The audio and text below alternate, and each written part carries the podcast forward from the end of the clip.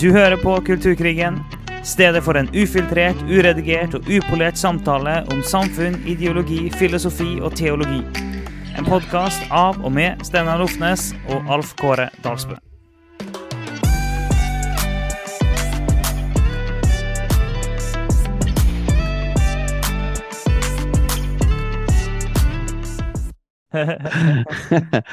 OK. Ja, men eh, ja.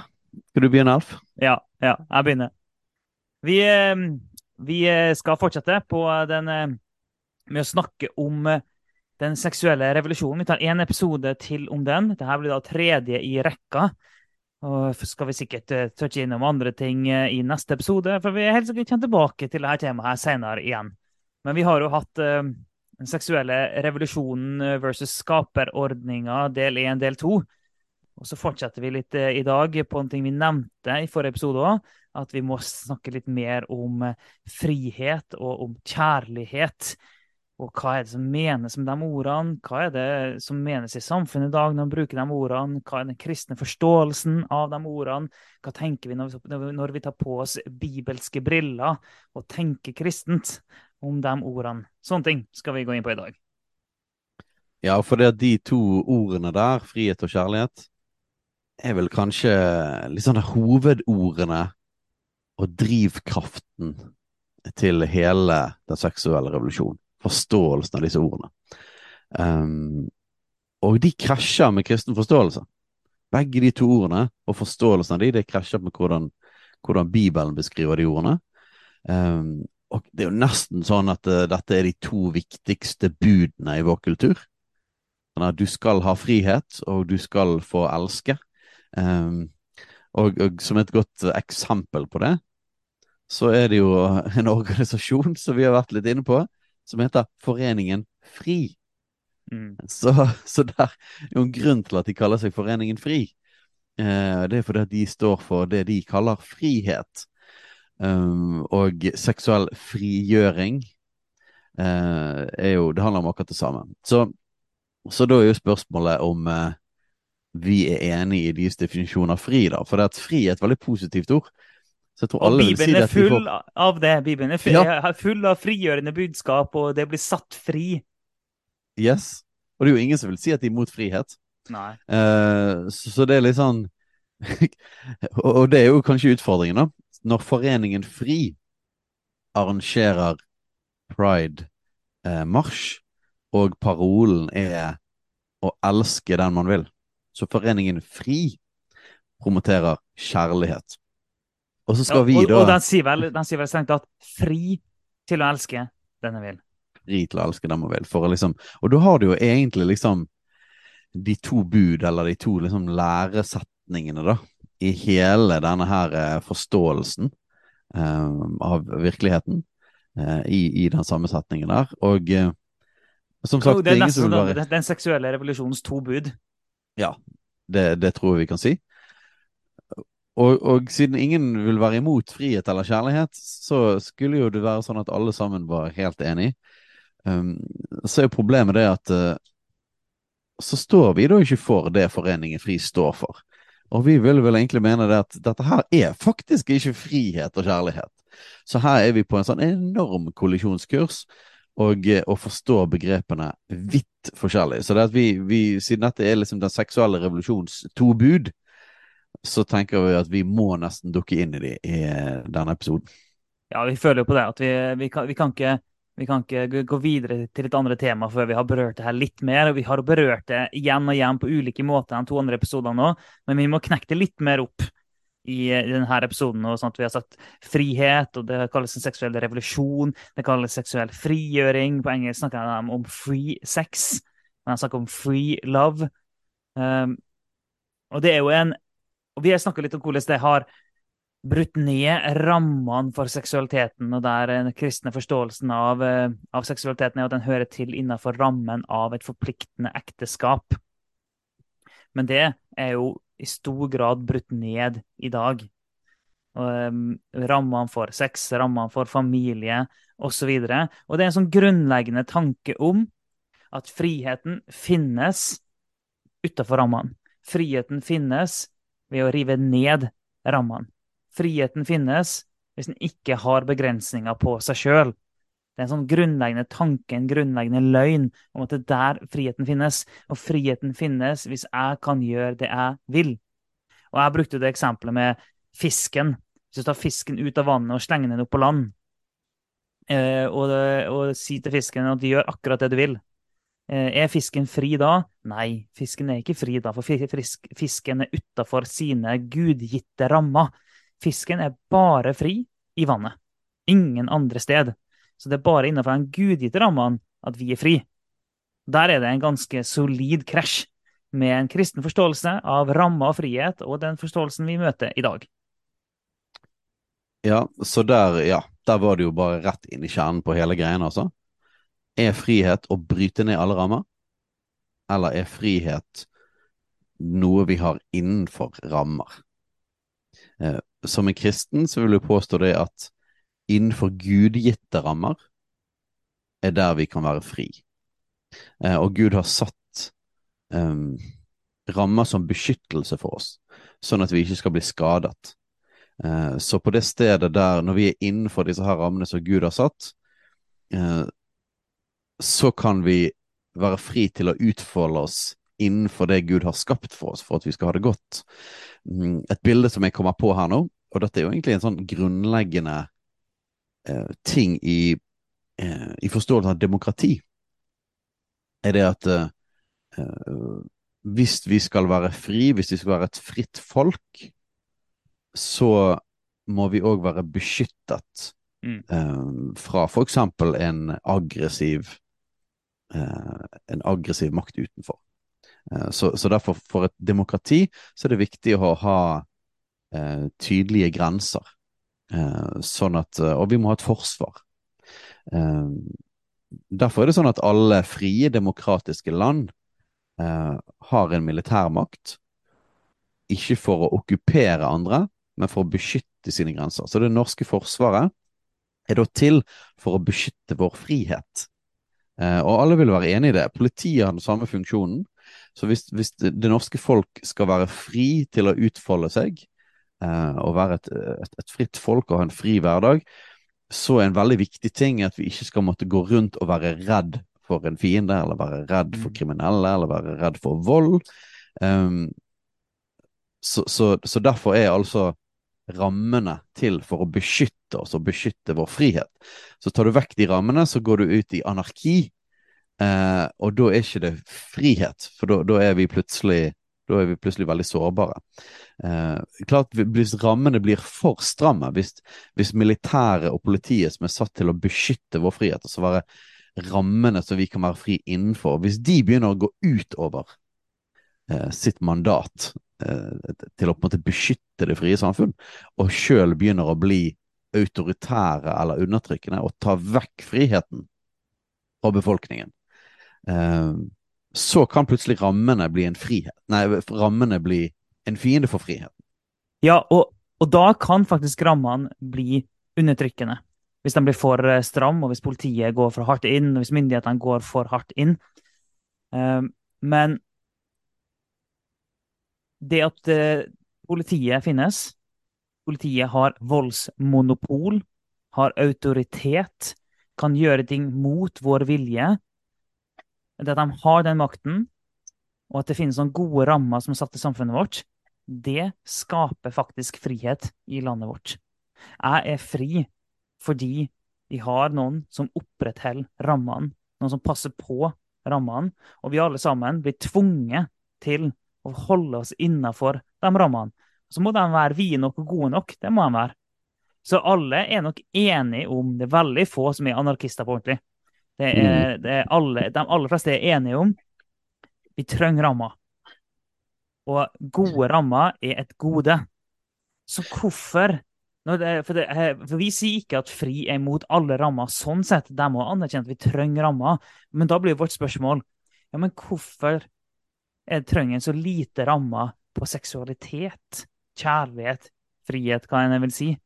Hvorfor er det, skal en ha så lite rammer der, når en anerkjenner at rammer er nødvendig?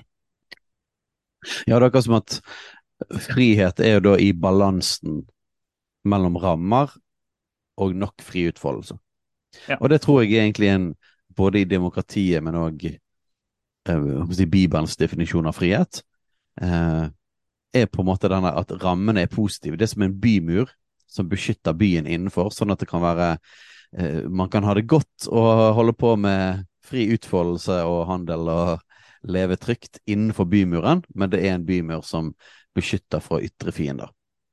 Og vi vil da mene at river du ned rammene for seksualiteten, så er det som å rive ned bymuren, og plutselig så er du fritt vilt. Fri Og- for angrep utenfra. Yes. Så, så, så vi mener at det er ikke frihet. Mm. Eh, dette, dette er ikke frihet, dette er kaos. Dette er nedriving som faktisk fører til en destruktiv ødeleggelse av både samfunn og enkeltpersoner. Ja, og, og det her er, finner vi på så mange områder av samfunnet, og, sånt, og vi som har barn, kan jo lett tenke på barneoppdragelse. Der eh, hvis du har en, barneopp, en såkalt fri barneoppdragelse, der du har minst mulig rammer og føringer for barna dine eh, De fleste som kan barneoppdragelse, sier at det er ikke bra. Eh, Du trenger å ha rammer, og det fører som regel bare til folk som mangler regulering og grenser i livet sitt. De mangler rammer i livet sitt å holde seg innenfor, og så spinner de ut. De tar masse dårlige valg, og det ender ofte veldig dårlig med dem. Eh, Men det med at vi som foreldre setter rammer for barna våre, og vi i hermetegn tvinger dem innenfor rammene, det skaper et godt og trygt liv for dem.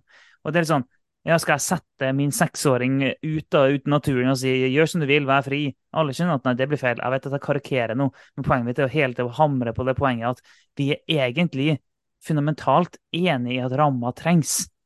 Eh, og Derfor må vi da være forsiktige med en gang vi river ned rammer. Rammer er helt nødvendig for det gode liv for et menneske. Og det er der mennesket virkelig på ordentlig er fri. Og så kan man diskutere rammene, det kan man. Et par bibelvers da, i forhold til frihet, siden vi skal definere Siden vi må definere eh, frihet innenfor Vi, vi, ja, men, men eh, la oss se på frihet med bibelske briller, da. For det er jo det vi hele tiden Ja. Bibelske briller på frihet. For vi har nettopp sagt det med at okay, eh, fri er organisasjonen FRI tilsynelatende vil eh, ta ned veldig mange rammer, iallfall på det seksuelle. Eh, Men ok, la oss ta på noen bibelske briller. Ikke tenke at frihet er at jeg kan gjøre det jeg vil, når jeg vil, sånn som jeg vil. At det frihet er på mine premisser. Men hva har Bibelen å si om frihet? Ja, for det at Jesus mener jo at han er på frihetens side. Eh, men Jesus er jo da ikke imot rammene. For som vi har snakket om i de to episodene før om, om den seksuelle revolusjonen, så bekrefter jo Jesus at mann og kvinne er skapt, og at ekteskap mellom mann og kvinne er rammen for seksualitet. Så, så han sier at han, han står for rammene og de er skapt av Gud. Eh, men samtidig så mener han at han er på frihetens side. Så det betyr det at i Bibelen så er det da ikke en motsetning mellom rammene for seksualitet og å være fri. Så la meg ta et par vers om frihet i Bibelen. da. Eh, er i Johannes 8, 32. Og dere skal kjenne sannheten, og sannheten skal frigjøre dere. Så her blir det altså sagt at sannheten faktisk skaper frihet for oss. Og her, så, her betyr jo det at til og med ubehagelige sannheter egentlig gjør oss fri. Fordi at eh, eh, tankene går lett da til at vi kan på en måte lure oss sjøl til å bøye på sånn som virkeligheten fungerer, og sånn som skaperverket egentlig er. Og så sier vi at nå er vi fri, fordi at vi, vi, vi bøyer på, på, på rammen av sånn som vi er skapt. Mens Jesus sier det sånn at nei, vet du hva, det er faktisk sannheten som gjør oss fri. Så sannheten om hvordan ting faktisk eksisterer, hvordan ting faktisk er, er faktisk det som er frigjørende. Og som alltid så blir jo det, det, det, det, tydelige eksempelet, det blir jo, blir jo kjønnsdebatten, eh, som, som oftest. Eh, men da må du ta en, en person da, som føler seg som motsatt kjønn. Hvis sannheten er at du er skapt som en mann, så vil faktisk Bibelen svar og Jesus sitt svar vil være det at friheten fins ikke i å følge følelsene dine og si at jeg er det motsatte kjønn. Men friheten er faktisk, ligger i sannheten om hva man er skapt som. Så friheten ligger faktisk i rammen av Mm. eh, den, den begrensningen som faktisk går imot min følelse. Mm. Så dette er jo en veldig annerledes definisjon av frihet. Men det er veldig radikalt brudd med hvordan det gjerne blir tenkt i dag, der en tenker at friheten der, eh, Hvis en har eh, såkalt kjønnsinkongruens, så ligger friheten i å bekrefte En kaller det kjønnsbekreftende behandling. sant? Altså, eh, ok, Friheten ligger i å bekrefte følelsene og bekrefte verdensbildet til personen. Der ligger friheten, og en blir, blir fri, og en blir den en virkelig er. Og så kommer vi og sier at nei, friheten ligger i å fokusere på rammene du er skapt innafor. Der ligger friheten. Det er, så det, det er ganske Det er et betydelig brudd, for å si det sånn. At friheten er er fri, Men det er jo på samme måte som at vi sier at det, identitet er ikke innenfra. Det er utenfra. Vi blir definert utenfra av Gud. Eh, eh, Så fokuset er utenfor, ikke på oss sjøl. Og samme med frihet. Frihet med fokuset ikke på oss sjøl, men vi blir fri ved faktisk ikke fokusere på oss sjøl. Og et par vers seinere, da, Johannes 8,36, da står det at for Sønnen frigjort dere, da blir dere virkelig fri. Og det der virkelig fri, det, det, der ligger det noe under. Eh, fordi at det peker egentlig på at det vi kan tenke er frihet, er kanskje ikke frihet likevel. Så virkelig frihet er ikke liksom bare det vi sånn spontan grenseløshet, men virkelig frihet det er i personen Jesus. Gjennom Jesus blir vi virkelig fri. Og vi har vært innom dette her i forhold til når vi har snakket om marxisme og nymarxisme òg. dette med at uh, Jesus frigjør på innsiden. Så det er ikke, det er ikke de ytre rammene, eller uh, sånn som i marxismen, da, så, måte, så, så er det alltid det er alltid systemet og strukturen som vi må frigjøre oss fra, den undertrykkende strukturen. Så lenge vi endrer på den, så blir vi fri. Eh, mens evangeliet fokuserer på vår indre frihet. Vi var f.eks. inne i dette her med slaveri og slaver. og dette, dette med at eh, evangeliet setter oss fri på innsiden, og så får det etter hvert da konsekvenser for, for samfunnsstruktur. Eh, men dette går litt sånn i den samme greien. Hvis du tar i forhold til den seksuelle revolusjonen, så er det på en måte det Friheten er ikke å bryte alle rammer for seksualitet, men friheten fins i personen Jesus. Og når vi møter han, så blir vi fri på innsiden. Og da blir vi virkelig fri. Så Jesus sier at når Sønnen får frigjort dere, da blir det virkelig fri. I motsetning til da frihet i liksom, en sånn menneskelig forstand. Rammebruddfrihet. Ja, og igjen, da. Sånn frihet det, det, det, er jo fokuset på Jesus. Fokuset er at han er den som gjør oss virkelig fri. Vi gjør oss ikke fri sjøl. Vi frigjør oss ikke sjøl. Og friheten finnes ikke inni oss, oss, på den måten. Vi er ikke herre over friheten på den måten. Og det, og det er jo så um, motkulturelt da, når vi sier at friheten finnes i at Jesus er herre. Friheten finnes i å følge Jesus. Friheten finnes i at han får definere oss. Det høres veldig feil ut for, ma for mange, det er jeg helt sikker på. Ja, og dette, og som en kristen, og siden vi hovedsakelig da snakker til kristne og vil hjelpe oss å tenke kristent, så må vi ta tak i denne her. Fordi at hvis vi skal tenke som Bibelen forteller oss, hvis vi skal tenke sånn som Jesus tenker om frihet, så kan ikke vi kjøpe eh, den forståelsen at rammer betyr å være bundet. Mm. Eh, At ramma er, er, undertrykkende i seg sjøl. Yes. At ramma er undertrykkende er ikke en kristen tanke. Mens, mens en kristen tanke er at friheten fins i Gud. Friheten fins i Jesus. Og bare ta et par andre vers om frihet. For det er litt sånn herre Er dere for fri Er dere mot frihet? Nei, vi er for frihet. Vi Mm. bare tror frihet er noe annet. Bibelen Nettopp. beskriver friheten annerledes. Ja. Og faktisk, det, det radikale er jo det at Bibelen beskriver jo da si, hedonisme, som er på en måte eh, rammeløs seksualitet og på en måte nytelse. Bibelen beskriver ikke det som frihet. Bibelen beskriver faktisk det som å være syndens trell. Altså være slave under synden. Slave under våre egne lyster. Det står masse om det i Bibelen. Eh, så, så, Bibelen sier at nei, det dere sier er frihet, hele den seksuelle revolusjonen, nei, det er å være slave. Det som å være fri, det er å følge Jesus. Altså, dette er så altså Det kristne budskapet krasjer fullstendig med den seksuelle revolusjonen og hele forståelsen av det. Jeg må bare ta et par står mer om frihet, bare for å si det at vi tror på frihet. Det er bare en annen frihet. For eksempel i 2. Korinterne 3, 17 står det Men Herren er ånden, og der Herrens ånd er, der er frihet. Så det som, det som der Den hellige ånd er, der er det frihet. Eh, og Den hellige ånd, han beveger seg innenfor rammene av det Gud sier er rett, eh, og det som er godt fra Guds side. Der er Den hellige ånd. Så der er ånden, og der er det frihet. Og så står det òg sånne ting som f.eks. i 1. Peter 2,16.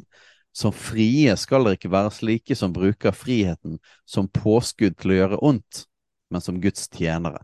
Så her er det sånn mer sånn spesifikt eh, spesifikk formaning da, til at eh, vi som er fri, for dette er en stor del av evangeliet, og det å være kristen, vi er fri. Eh, det er en del av budskapet vårt, er frihet. Men dere som er frie, skal ikke bruke friheten som et påskudd til å gjøre ondt men denne friheten, altså, men, men, som Guds tjenere. Så det betyr at denne friheten, den er, den er, den er underlagt å være Guds tjenere, etterfølgere, bøye oss under Gud og hans rammer. Ja, veldig bra. Og jeg vil bare spore litt tilbake til uh, hedonisme igjen. Fordi at hvis livet mitt handler om min lykke, min nytelse, min tilfredsstillelse Hvis det er det livet handler om, å makse det i mitt liv, så kan det høres ut som for frihet eh, for noen, men jeg vil påstå at det er langt ifra frihet. Jeg er da veldig drevet av mine drifter, mine lyster, mine følelser. Det handler om at jeg skal føle, eh, føle det best mulig og være mest mulig tilfredsstilt. Det er et helt enormt jag etter det. Og jeg vil da være bundet av mine lyster, av mine drifter. Jeg vil være undertrykt av min driv etter lykke. Det er ikke noe frihet i at når hele, hele tilværelsen er definert ut ifra det. Det finnes ikke frihet i det. Det finnes ikke aldri nok, eh, nok nytelse, nok lykke. Og du, du, finner det ikke på den måten heller. Altså, vi mennesker er ikke skrudd sammen sånn. Det, det er ikke sånn vi er skapt, så du finner ikke på den måten. Men friheten finnes ikke der. Så hvis jeg skal jage etter det hele livet, så lever jeg bundet og undertrykt og lever et kjipt liv. Så det, det høres fint ut. Men friheten finnes ikke der. Så for å bare liksom ta et sånn motargument mot oss sjøl fra helt andre siden eh, kunne vært en sånn, altså Det dere sier, er at eh, så, så, lenge ting er så strengt og så stramt som mulig, og så lenge eh, grensene er så heftige og, og, rommet er så trangt som mulig, jo mer vil vi føle oss fri. Er det det dere sier? nei, nei vi, vi, tilbake igjen til bildet da, om at, om at Forsvaret eh, er der for å skape en ramme, en beskyttelse, sånn at vi kan være fri innenfor. Sånn at vi kan ha et fritt land, så vi ikke blir angrepet av en ytre fiende som vil oss vondt, eller som en bymur eh, beskytter byen og, og, livet inne i byen, sånn at man kan være trygg og være fri. Eh, på samme måte tror vi at Guds rammer eh, handler ikke om liksom, å lage det så trangt som overhodet mulig, sånn at det ikke skal være noe fri utfoldelse eller noe kreativitet eller noe spontanitet eller eh, ingen følelser eller sånne ting. Nei, det, det, rammene er satt på det perfekte stedet. Eh, for det er Gud som har satt dem. Han har skapt mennesket. Husk, folkens, dette er en, måte, dette er en kristen tanke. Hvis Gud har skapt verden, og han sa at dette var godt, for det gjorde han etter hver ting han skapte, sa han dette er godt. Så, så, vil en kristen vil si det at det som er godt, det er det Gud definerer som godt. Og vi har nå en tillit til at hvis han har skapt oss, og han har skapt verden, så vet han hva som er best for oss. Så når han setter rammer for oss, så er det ikke fordi at han er en, eh, eh, en, en sadist som ønsker å på en måte ta vekk frihet og pine oss. Nei, han har satt rammene på akkurat det perfekte stedet i, for, i balansen mellom fri utfoldelse og kaos. Eh, og så lenge vi holder hans ramme, så vil vi ha en kjempefrihet og utfoldelse innenfor det. Eh, men hvis vi flytter de rammene, så er vi plutselig sårbare. Hvis vi, hvis vi river ned de rammene, så er vi plutselig sårbare for fienden utenfor. Og i Bibelen så er den fienden er djevelen og synden, eh, som faktisk er ute etter å, å plage oss eh, og ødelegge livet vårt. Mens innenfor for eksempel la oss si seksualitet, da, siden det er en seksuell revolusjon vi snakker om, eh, så er rammen da ekteskap. Innenfor ekteskapet så snakker eh, Så er ønsket fri utfoldelse av seksualitet, fri utfoldelse av kjærlighet, av nærhet, av kreativitet. Eh, å leve et godt liv. Eh, det er meningen fra Guds side. Gud har skapt sex. Gud har skapt disse tingene for at det skal være bra for oss. Men hele poenget handler om å sette rammen på det riktige stedet, der det ikke blir kaos, eh, og der faktisk djevelen eh, der, vi off, eh, der, der, vi blir sårbare for at djevelen herjer oss og ødelegger livet vårt. Ja, og syndefallet er jo et eksempel på det du snakker om her. Ok, Gud har skapt verden. Han sier det godt. Adam eller Eva lever. De lever med Gud, de vandrer med Gud. Livet er perfekt. Og Så sier Gud at uh, dere kan spise av alle frukter i hagen. Dere kan leve fritt. Vi kan ha det godt. Dette er paradis. Dere kan spise fritt, leve fritt, men det er én ting dere ikke kan gjøre, og det er å spise av det treet. Så dere kan gjøre dere, dere har et perfekt liv. Dere lever evig i paradis. Men det er én ting dere ikke kan gjøre. OK. Det er flere ting vi kan trekke ut av det. Ja, Gud har satt noen gode rammer. Så har han sagt ting en ikke kan gjøre. Og så gir han frihet til å velge. Så, eh, og vi har frihet innenfor de rammene. Og så kan vi velge å, bryte med rammene. Vi kan velge å bryte med de begrensningene som er satt for oss. Og det er ikke godt for oss. Og her må vi bare forstå at vi er ikke herre over eget liv. Vi, vi, kan ikke sette oss over Gud. Det er faktisk Gud som har skapt oss. Så, uh, så det, er ikke, det, er ikke, opp til oss å bestemme om det er godt for oss eller ikke å bryte de rammene. Altså, Sånn er det bare. Det er litt sånn, er det godt for et menneske å, å, spise mat? Ja, det er godt for et menneske å spise mat. Er det godt for et menneske å spise for mye mat? Nei, det er ikke godt. Er det godt for et menneske å, å, å spise stein? Nei, det er ikke godt for et menneske å spise stein. For nei, Vi må spise god mat i riktig mengde, riktig mat. Det er bare sånn det er, og vi kan ikke kjempe imot det. Og Sånn er det med de rammene Gud har skapt. Men Gud skapte noen rammer, og han har gitt oss mulighet til å velge sjøl. Yes. Ja, vi følger vi virkelig inn på kjernen her av, av en kristen forståelse av frihet. Og så vil noen si ja, men eh, må det, være, må det være akkurat der rammen er, liksom? Hvorfor, hvorfor kan ikke liksom ikke det litt for trangt? La oss liksom utvide det litt, grann, og det er mange som prøver på det. Det er mange som prøver å si det at ja, men, ja, men hvis vi snakker om forpliktende samliv, da. Bare at, bare at det liksom er eh, Vi tar liksom den forpliktelsesbiten, den tar vi inn. Eh, trofasthet, det tar vi inn. Um, men, men samtidig for eksempel at du ikke må være gift, eller eh, du ikke må, eh, det ikke må være med motsatt kjønn, for eksempel. Det kan være at vi bare flytter rammene litt. Og da, og da blir det sånn for oss at vel, vi, vi, har ingen rett til å flytte på de rammene eller den muren. Altså, hvis Bibelen sier tydelig at det er der grensen går, så handler dette om har vi tillit til Gud eller ikke. Tror mm. vi at Gud er god? Eh, tror vi at han har skapt verden, og at dette er det beste for oss. Eh, så da handler vi på det. Som en kristen så må vi handle på det i tro, i tillit til at Gud er faktisk god, og at der han har satt rammen, det er akkurat der grensen går. Det er helt perfekt satt, og det må vi ha tillit til. Og det må vi jo si at dette er jo noe vi har praktisert og ønsker å leve etter. Eh, og så kan man si ja, men kjære tid. At følge noen sånne eh, rammer fra en gammel bok liksom, til en eller annen liksom Gud der ute. Vel, det kan kanskje være rart, det. At noen lever livet sitt i tro på at dette her faktisk er sant. Men da er jo vår, vårt svar tilbake hele tiden OK, men hva er din begrunnelse for hvor du setter rammene? For det er jo helt åpenbart. Alle mennesker, hvis de er ærlige mot seg sjøl, vil si at det finnes grenser et eller annet sted. Men, men, men, vi vet hvor grensene går, fordi at vi forholder oss til Bibelen og vi tror at det er Guds ord, og vi tror at Gud er god og han har satt rammen og sånn. Og derfor, Da praktiserer vi. Vi lever i det. Det er derfor vi er gift. Eh, ja, ja. Det er derfor vi ikke går på byen uh, og prøver å finne noen å ha tilfeldig sex med. Det er fordi at vi tror at dette faktisk er Guds rammer. Så spørsmålet tilbake blir Hvor har du din begrunnelse for disse rammene? Og til og med Foreningen FRI vil jo ha visse rammer. Det vil si, ja, du må være eh, i respekt, eller nei, Hva var det der ordet? De, de Samtykke. Samtykke. Samtykke. Det er liksom Der er grensen. Mm. Og Det er sånn, rammen. Vi, ja, vi er enige i samtykke. Absolutt. Vi, som vi sa, da, vi, vi, er enige så, vi er så heftig enige i samtykke vi at vi mener det at man skal gi et livslangt samtykke til én person. Mm. Så man vet at innenfor der så er det kontinuerlig samtykke. Det, det, det er ekteskapet. Men, men hvorfor trekker de fram samtykke, da? Hva, hva begrunnelse har de for det?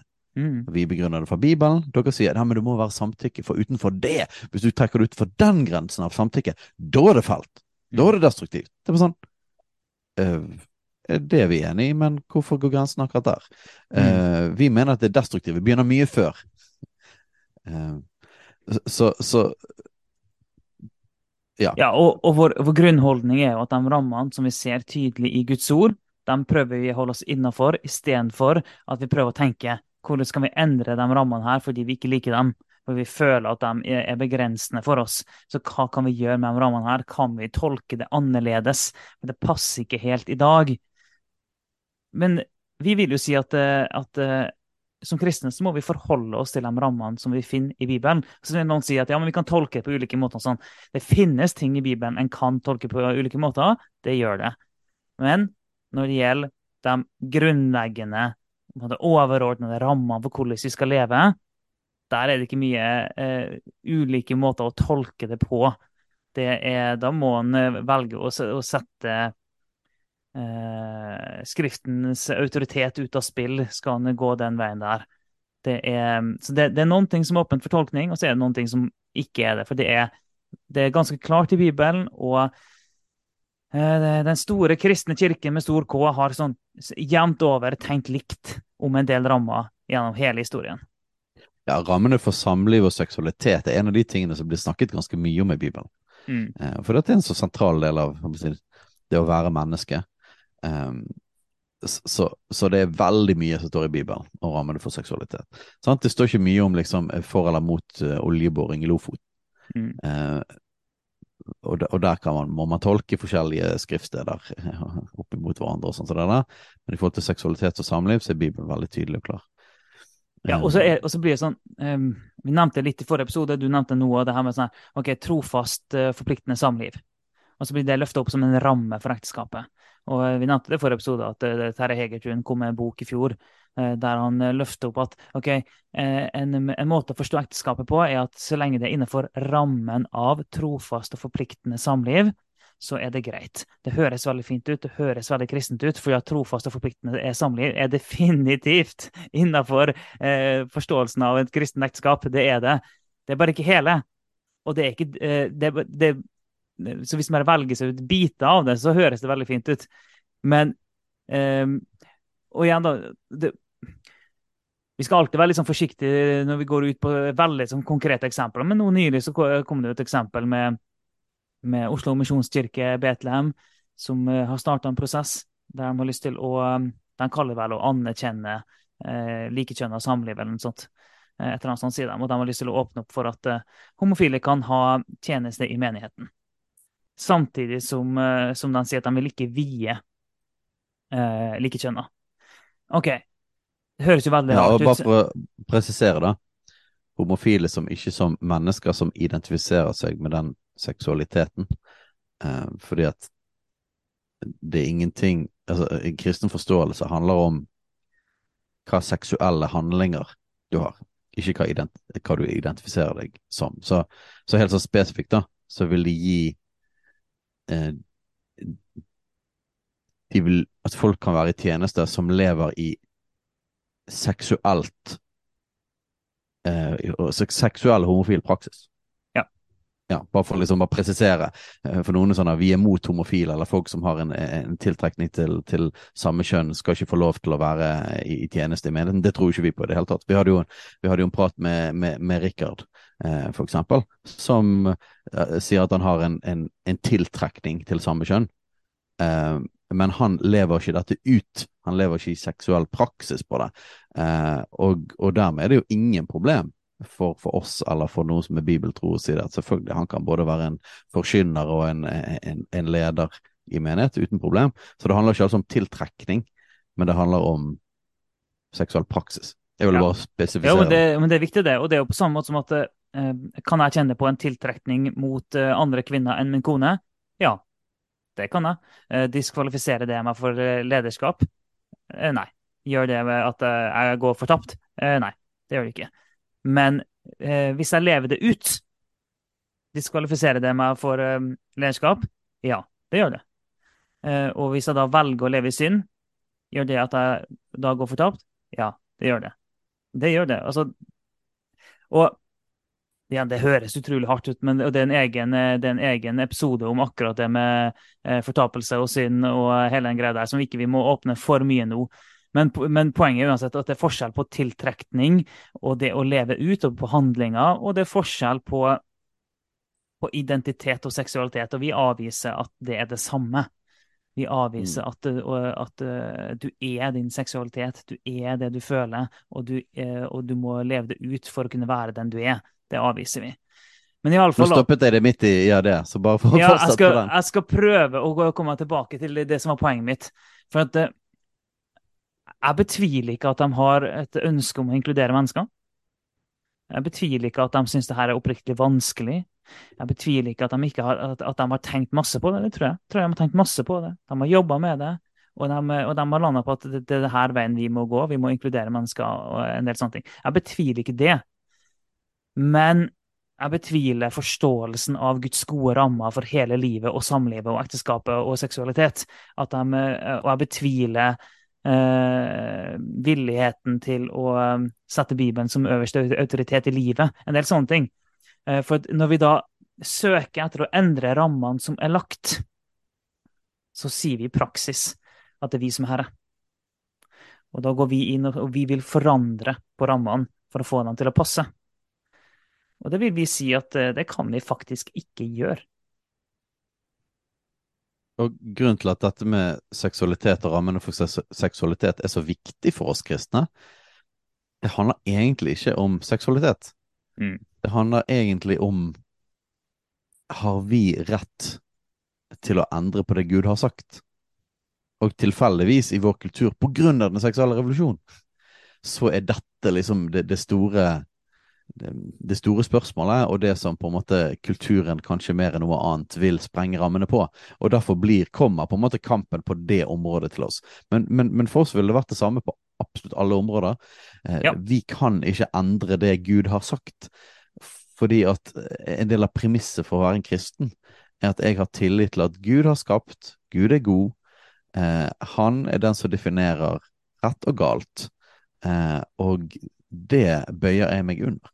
Eh, jeg, jeg tror at faktisk han har rett. Og dette er jo syndefall. Dette er jo syndefallshistorien.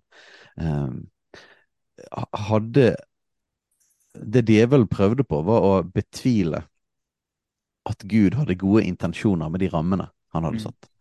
eh, I forhold til dette treet som de ikke skulle spise av. Og det var fristelsen han, han, han kom med til Eva, da. Var liksom at nei, nei, nei, Gud holder noe fra dere. Han, det handler ikke om at dere skal dø. Dere kommer ikke til å dø. Eh, og det var det Gud hadde sagt. Hvis dere spiser dette treet, skal dere dø. Og så sier de vel nei, nei da, dere kommer ikke til å dø. Eh, men dere kommer til å bli som han. Eh, ergo, Gud lyger, og han, han lyger om sin intensjon for rammene. Mm. Han egentlig, det han vil, det han vil holde noe fra dere. Eh, han, vil ikke at, han vil ikke at dere skal bli sånn som han. Eh, så bryter han rammen, og så, så, så, så sier så står det at Eva, nå så hun at dette treet var godt å ete av. Mm. Så hun kjente den fristelsen, drivkraften. Eh, så det handler om tillit til er Gud god? Er rammene hans, er rammene hans ut fra kjærlighet? Er det ut fra at, at det faktisk er det beste for oss, eller er det ikke det? Det er det det kommer ned til. Eh, og derfor blir hele kampen rundt seksualitetens rammer Det går egentlig helt til kjernen av den kristne troen. Har vi tillit til Gud? Og eh, vi kan egentlig eh, omtrent lande den frihetsbiten der. Jeg skal si én ting, og så må, vi bevege oss over på det, litt på det, det som går på kjærlighet og forståelsen av det òg, for å klare å komme i land med episoden. Eh, Men jeg skal bare si en ting jeg glemte å si i stad, eh, med eksempelet med mm, Oslo misjonskirke i Betlehem. At med en gang du prøver å endre på rammene, så ender du veldig fort opp i en sånn vanskelig situasjon. For de prøver å endre rammene litt, og så prøver de å holde seg til den klassiske rammen litt. Når han da sier at ok, men eh, folk som lever ut homofil praksis, skal få lov til å være helt fri i tjeneste i menigheten og, og ære Gud på den måten og være med være ledere her, men vi vil ikke vie dem. Det er sånn, det er i hvert fall sånn jeg forsto at, at det var det som var standpunktet. For, så får noen korrigere meg om, det, om jeg har misforstått det, men det er sånn jeg forsto det. Og da ender du opp i en utrolig rar greie, der du skal prøve, du prøver å anerkjenne folk for den de er, i hermetegn. Prøve å gi dem rom og tjeneste, men du vil ikke vie dem. Det, sånn, det går ikke. Altså, det, går, det, går, ikke. Med en gang du prøver da, å endre på rammene og samtidig opprettholde de samme rammene, så får du noe helt annet enn det som eh, er, det, er Guds gode rammer for oss. Så poenget mitt er at en gjør det utrolig vanskelig for seg sjøl med en gang en begynner på de tingene der.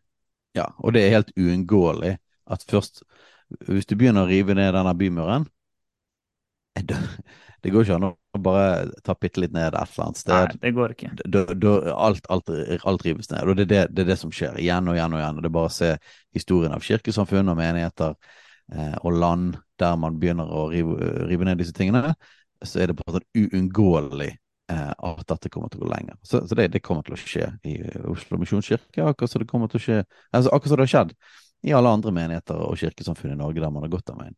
Um, så sånn er det bare. Derfor er det så viktig for oss å tydeliggjøre den rammen. Forsterke den muren. Ja, det er kjempeviktig. Okay, det var frihet. Frihet. uh, definisjonen av frihet er rett og slett helt Guds gode rammer! Det er definisjonen av frihet. Ja. definisjonen av frihet. Jesus er frihet, rammene er frihet. Vi har frihet innenfor de. Uh, det er den kristne måten å si det på. Og vi har fått litt kritikk for at vi sier at dette er å tenke kristent, eller en kristen må tenke sånn, eller dette er en kristen måte.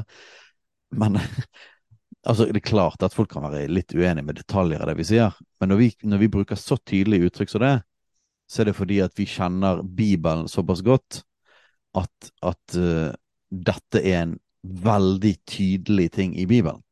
Uh, Eh, dette finnes det masse skriftsteder på. Så dette er ikke bare som jeg og Alf Kåre som er så arrogant at vi bare sier sånn er å være kristent, og så forkaster vi alle mulige andre slags kristne varianter. Nei, vi sier det når Bibelen er veldig tydelig.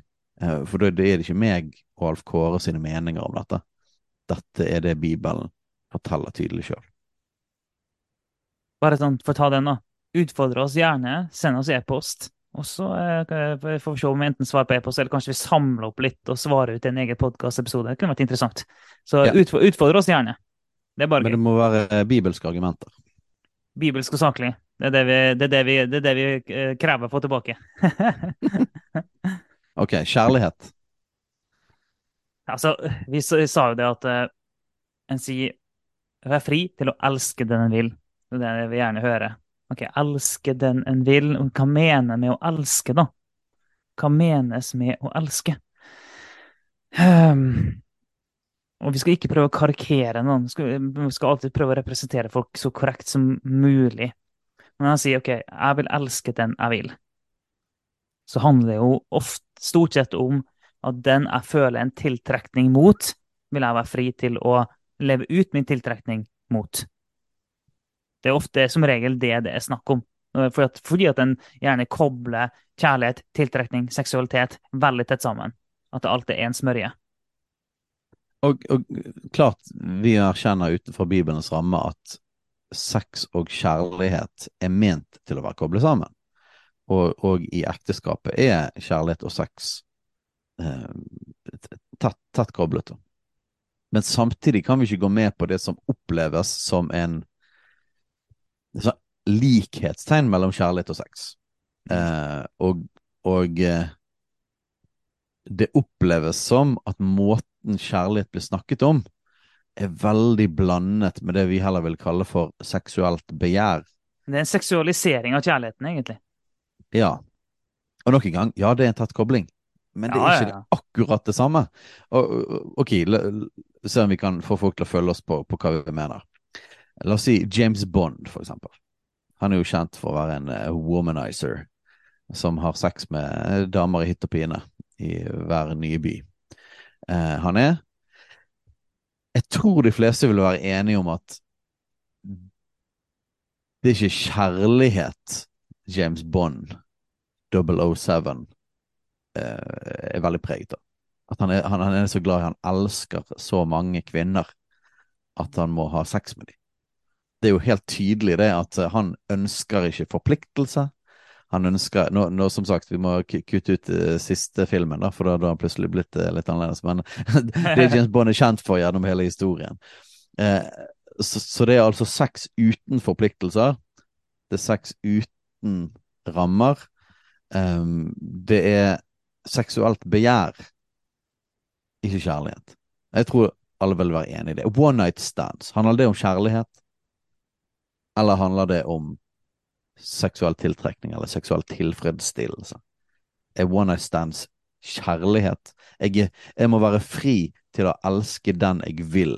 Betyr det å ha Jeg må være fri til å ha sex med den jeg vil, tilfeldige mennesker som jeg møter beruset på et utested? Er det kjærlighet? I så fall så definerer det, det, er en ganske annerledes definisjon av kjærlighet enn vi har. Eller, eller ta, la oss ta porno, da. Er porno kjærlighet? Hvis du ser på porno, eh, da er det jo definitivt seksuell tiltrekning eller seksuelt begjær. Eh, er det dyp kjærlighet mellom den som ser på porno, til den personen man ser på? Er det det som er liksom drivkraften? Um, så jeg tror de aller fleste ville si det at ja, vi er enig. Eh, seksuelt begjær er ikke automatisk det samme som kjærlighet. Eh, men vi har en opplevelse av at disse tingene blir ganske blandet sammen i, ja. i liksom dette bud nummer to i den seksuelle revolusjonen. Det blir ganske blanda sammen. Og så mener jo vi at det er ting hører sammen her. For vi mener jo at eh, OK um, Du kan ha kjærlighet uten sex. Det kan du ha. Uh, kan du ha sex uten kjærlighet. Altså, du kan ha det rent sånn praktisk.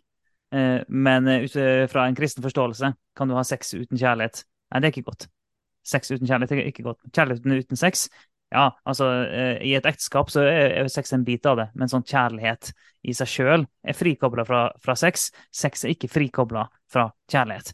Ok, Seksuelt begjær, er det ondt? Det er jo ikke ondt i seg sjøl, det. Det må være innenfor den rette rammene. Så seksuelt begjær innafor rammen av et forpliktende ekteskap, innafor rammen av kjærlighet, det er fint. Der kan du få lov til å brenne. Utafor de rammene så fører det til et fokus på, et fokus på seg sjøl. Og det er nettopp det da, som vi vil utfordre. Der vi opplever at veldig ofte når vi snakker om kjærlighet i dag, så er det med fokus på seg sjøl. Det er en egoistisk forståelse, det er egosentrisk. Mens en kristen forståelse av kjærlighet er det stikk motsatte. Vi kaller det ofte sjøloppofrende kjærlighet. Og, og, vi går alltid til Jesus først. Da ser vi ikke, Hva gjorde Jesus? Jesus han kom og ga sitt eget liv for oss. Han er definisjonen på kjærlighet. Han er det perfekte bildet på kjærlighet. Så kjærligheten i sin dypeste form, det er å gi. Det er ikke å få. Kjærlighet i sin dypeste form er å legge ned sitt liv for andre. Det er en kristen forståelse av kjærlighet. Det er kjærlighet sett gjennom bibelske briller. Skal vi ta et par, par bibelvers på det, siden vi er inne på det? Ja. Eh, første Johannes brev, 3.16.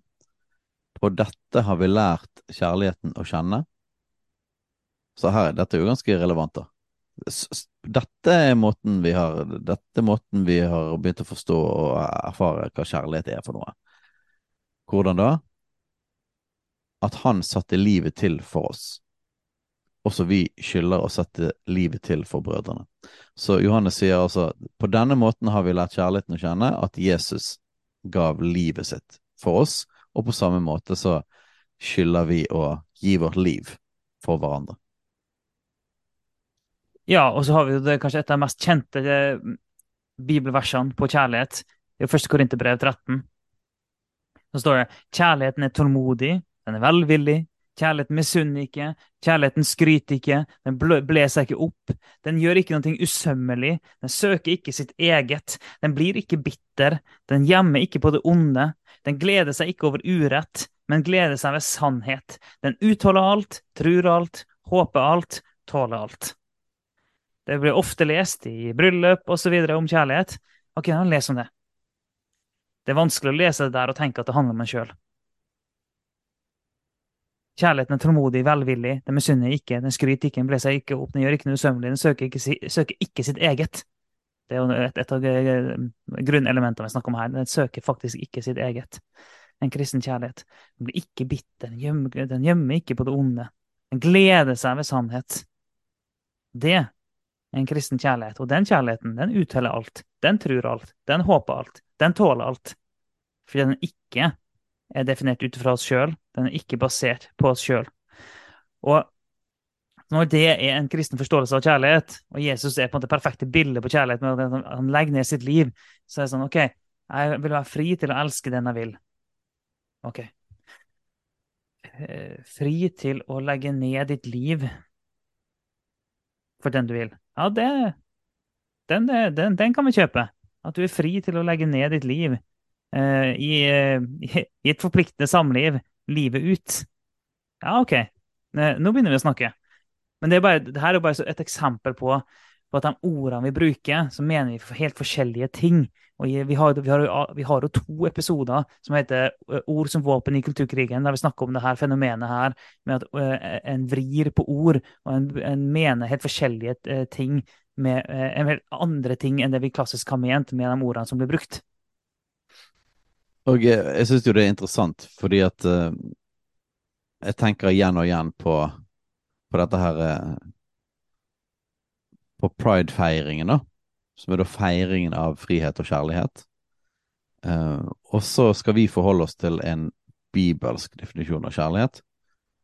Og så er det sånn her På engelsk, da. Love is kind. Love is patient. Love, it does not envy. It does not boast. It is not proud.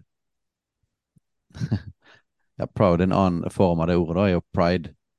Eh, så det er noe ydmykt med kjærligheten.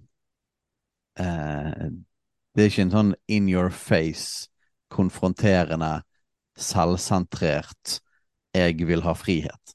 Det er det faktisk det motsatte av, av Bibelens definisjon av kjærlighet. Den, den, den, gjør noe, den, gjør ikke noe, usømmelig usømmelig Bibelens definisjon av usømmelig er jo noe som ikke er riktig, noe som er utenfor rammene. Seksuelt usømmelig. Uh, og ja, beklager, vi må bare, jeg må snakke om pride-marsjen, fordi at det er på en måte litt sånn derre spydspissen av den seksuelle revolusjonen fortsatt i vår tid. Uh, og verdiene som de forkynner ut, de sier jo at nei, dette er ikke ideologi, dette er menneskerettigheter. Vel, de, de forkynner en forståelse av kjærlighet og frihet. Mm. Eh, en forståelse av kjærlighet og frihet som ikke vi kan gå med på, for dette bryter med Bibelen. Det bryter med disse versene. Derfor kan heller ikke en kristen være en del av den marsjen. Fordi at da heier du Det er ikke bare solidaritet med enkeltmennesker. Du står under et banner som forkynner et budskap. Og når, når Bibelen sier det at kjærligheten gjør ikke noe usømmelig, så er det klart det at er det noe som preger pridemarsjen, så er det usømmelighet. Den søker ikke sitt eget, blir ikke bitter, gjemmer ikke på det onde. Det, det vil jo være i så fall at hvis du er undertrykket, så er jo da kjærligheten at du ikke søker ditt eget, dine egne rettigheter. Du blir ikke bitter og hard eller sint, og du gjemmer ikke på det. Du gjemmer ikke på det onde. Så hvis du har blitt påført ondskap, så er det da ikke eh, Ikke si det at 'jeg har blitt gjort urett'. Eh, Altså, dette det er basically, Disse ordene her er det motsatte av pride.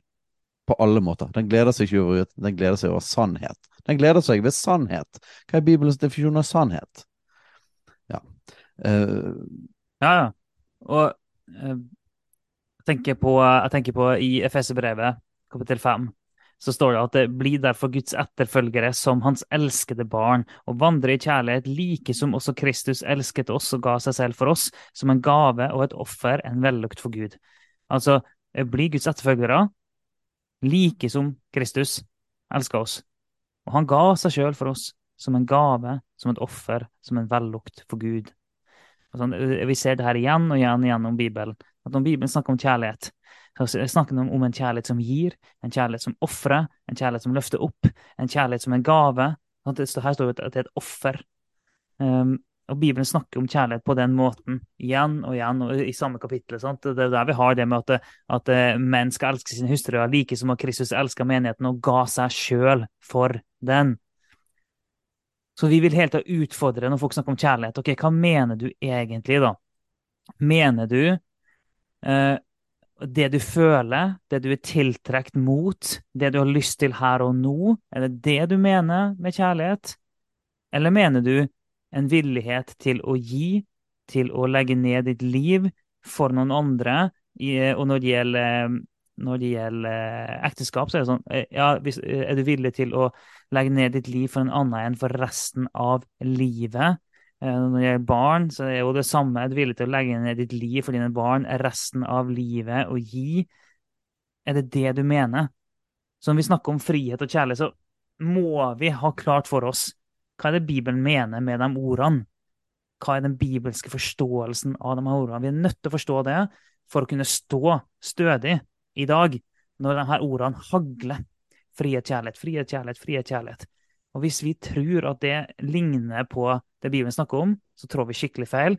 Eller hvis vi kjøper den forståelsen av frihet og kjærlighet som finnes i dag, og så appliserer vi det på Bibelen, så når vi leser i Bibelen om, om, kjærlighet, og vi leser Bibelen om frihet, og vi vet at det er kristne grunnkonsepter Hvis vi tar dagens forståelse av det, putter på Bibelen, da får vi kjempetrøbbel. Ja, og da, og da vil jo Bibelen tale mot seg sjøl. Um, ehm, men dette igjen er en sånn ting som er veldig tydelig. Det er masse vers om dette. Definisjonen av hva kjærlighet er. Og hvor hører da sex til innenfor kjærlighet? Nei, det hører innenfor Kjærligheten er lik, kan du si, eh, om det er håper jeg, eh, søskenkjærlighet, eller kjærlighet til sin mor eller far, eller kjærlighet til barna, eller eh, kjærlighet til andre mennesker. Det er selvoppofrende kjærlighet vi snakker om. Det er akkurat den samme kjærligheten, den samme essensen, som i ekteskapet. Så, så, så, så, kjærligheten er den samme. Den er definert som å legge ned sitt liv og gi til en annen. Forplikte seg til å gjøre det gode for den andre. Så det er Bibelens definisjon av kjærlighet. Hvis du har en sånn kjærlighet, og så er det en mann og en kvinne, og de gir seg til hverandre i et forpliktende gjensidig kjærlighetsforhold, rammen heter ekteskapet, der kan sex være en del av den kjærligheten.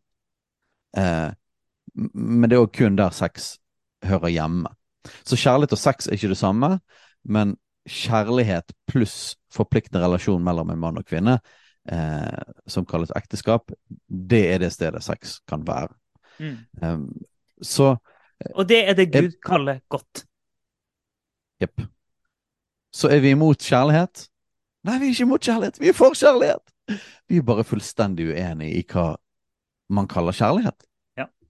Faktisk vil du si at en del av den kjærligheten Jeg sier ikke alt, jeg sier at det kan, det kan definitivt være selvoppofrende kjærlighet òg i relasjoner som er utenfor Guds vilje. Ja. Um, men en stor del av det man kaller kjærlighet, er egentlig seksuell nytelse, seksuelt begjær. Eh, og det er selvsentrert. Det handler om at jeg skal få tilfredsstilt mine behov. Eh, og det er faktisk ikke kjærlighet. Det er faktisk det motsatte av det Bibelen kaller kjærlighet.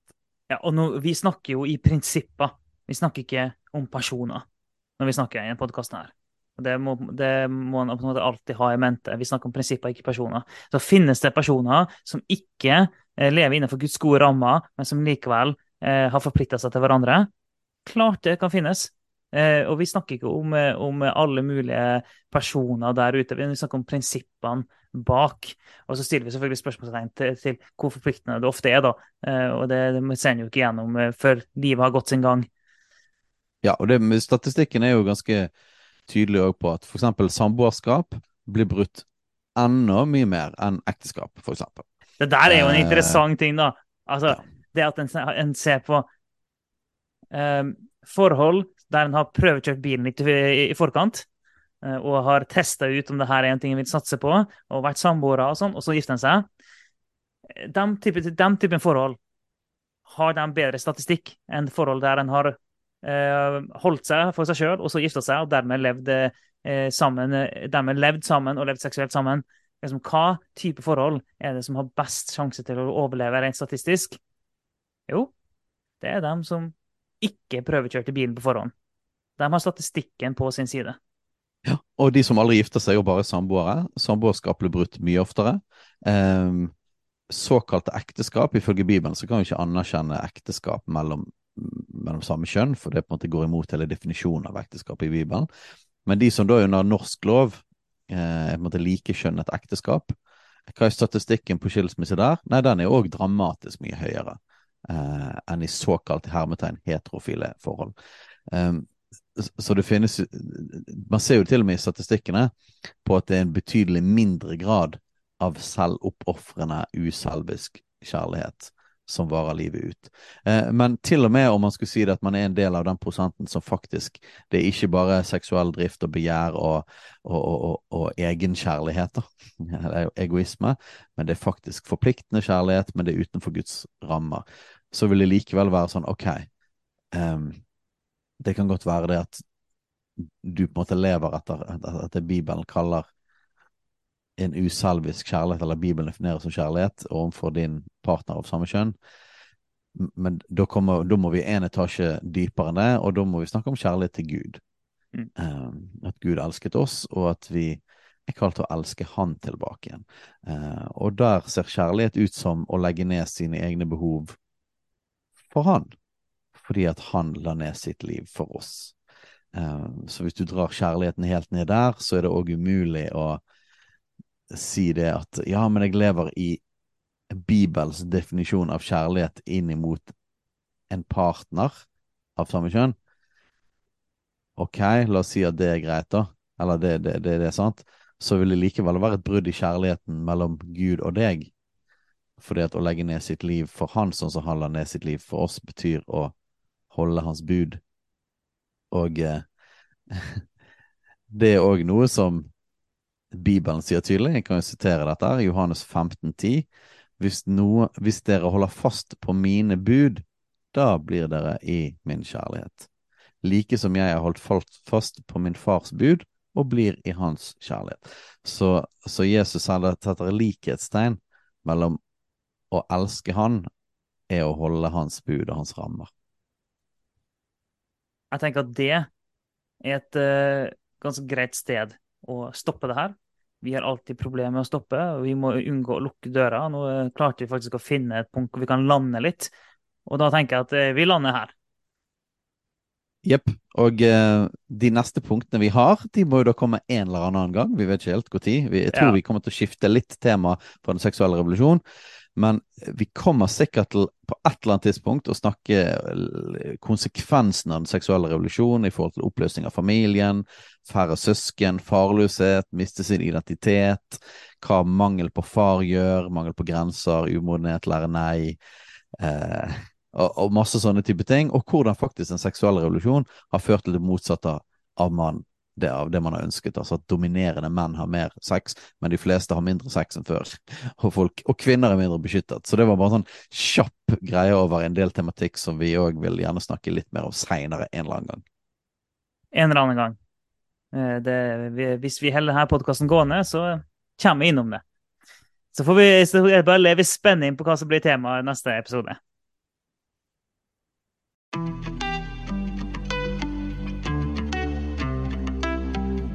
Takk for at du lytter på Kulturkrigen. Om du har tilbakemeldinger, spørsmål, hva som helst egentlig, send inn til postalfakrøllkulturkrigen.no eller på sosiale medier.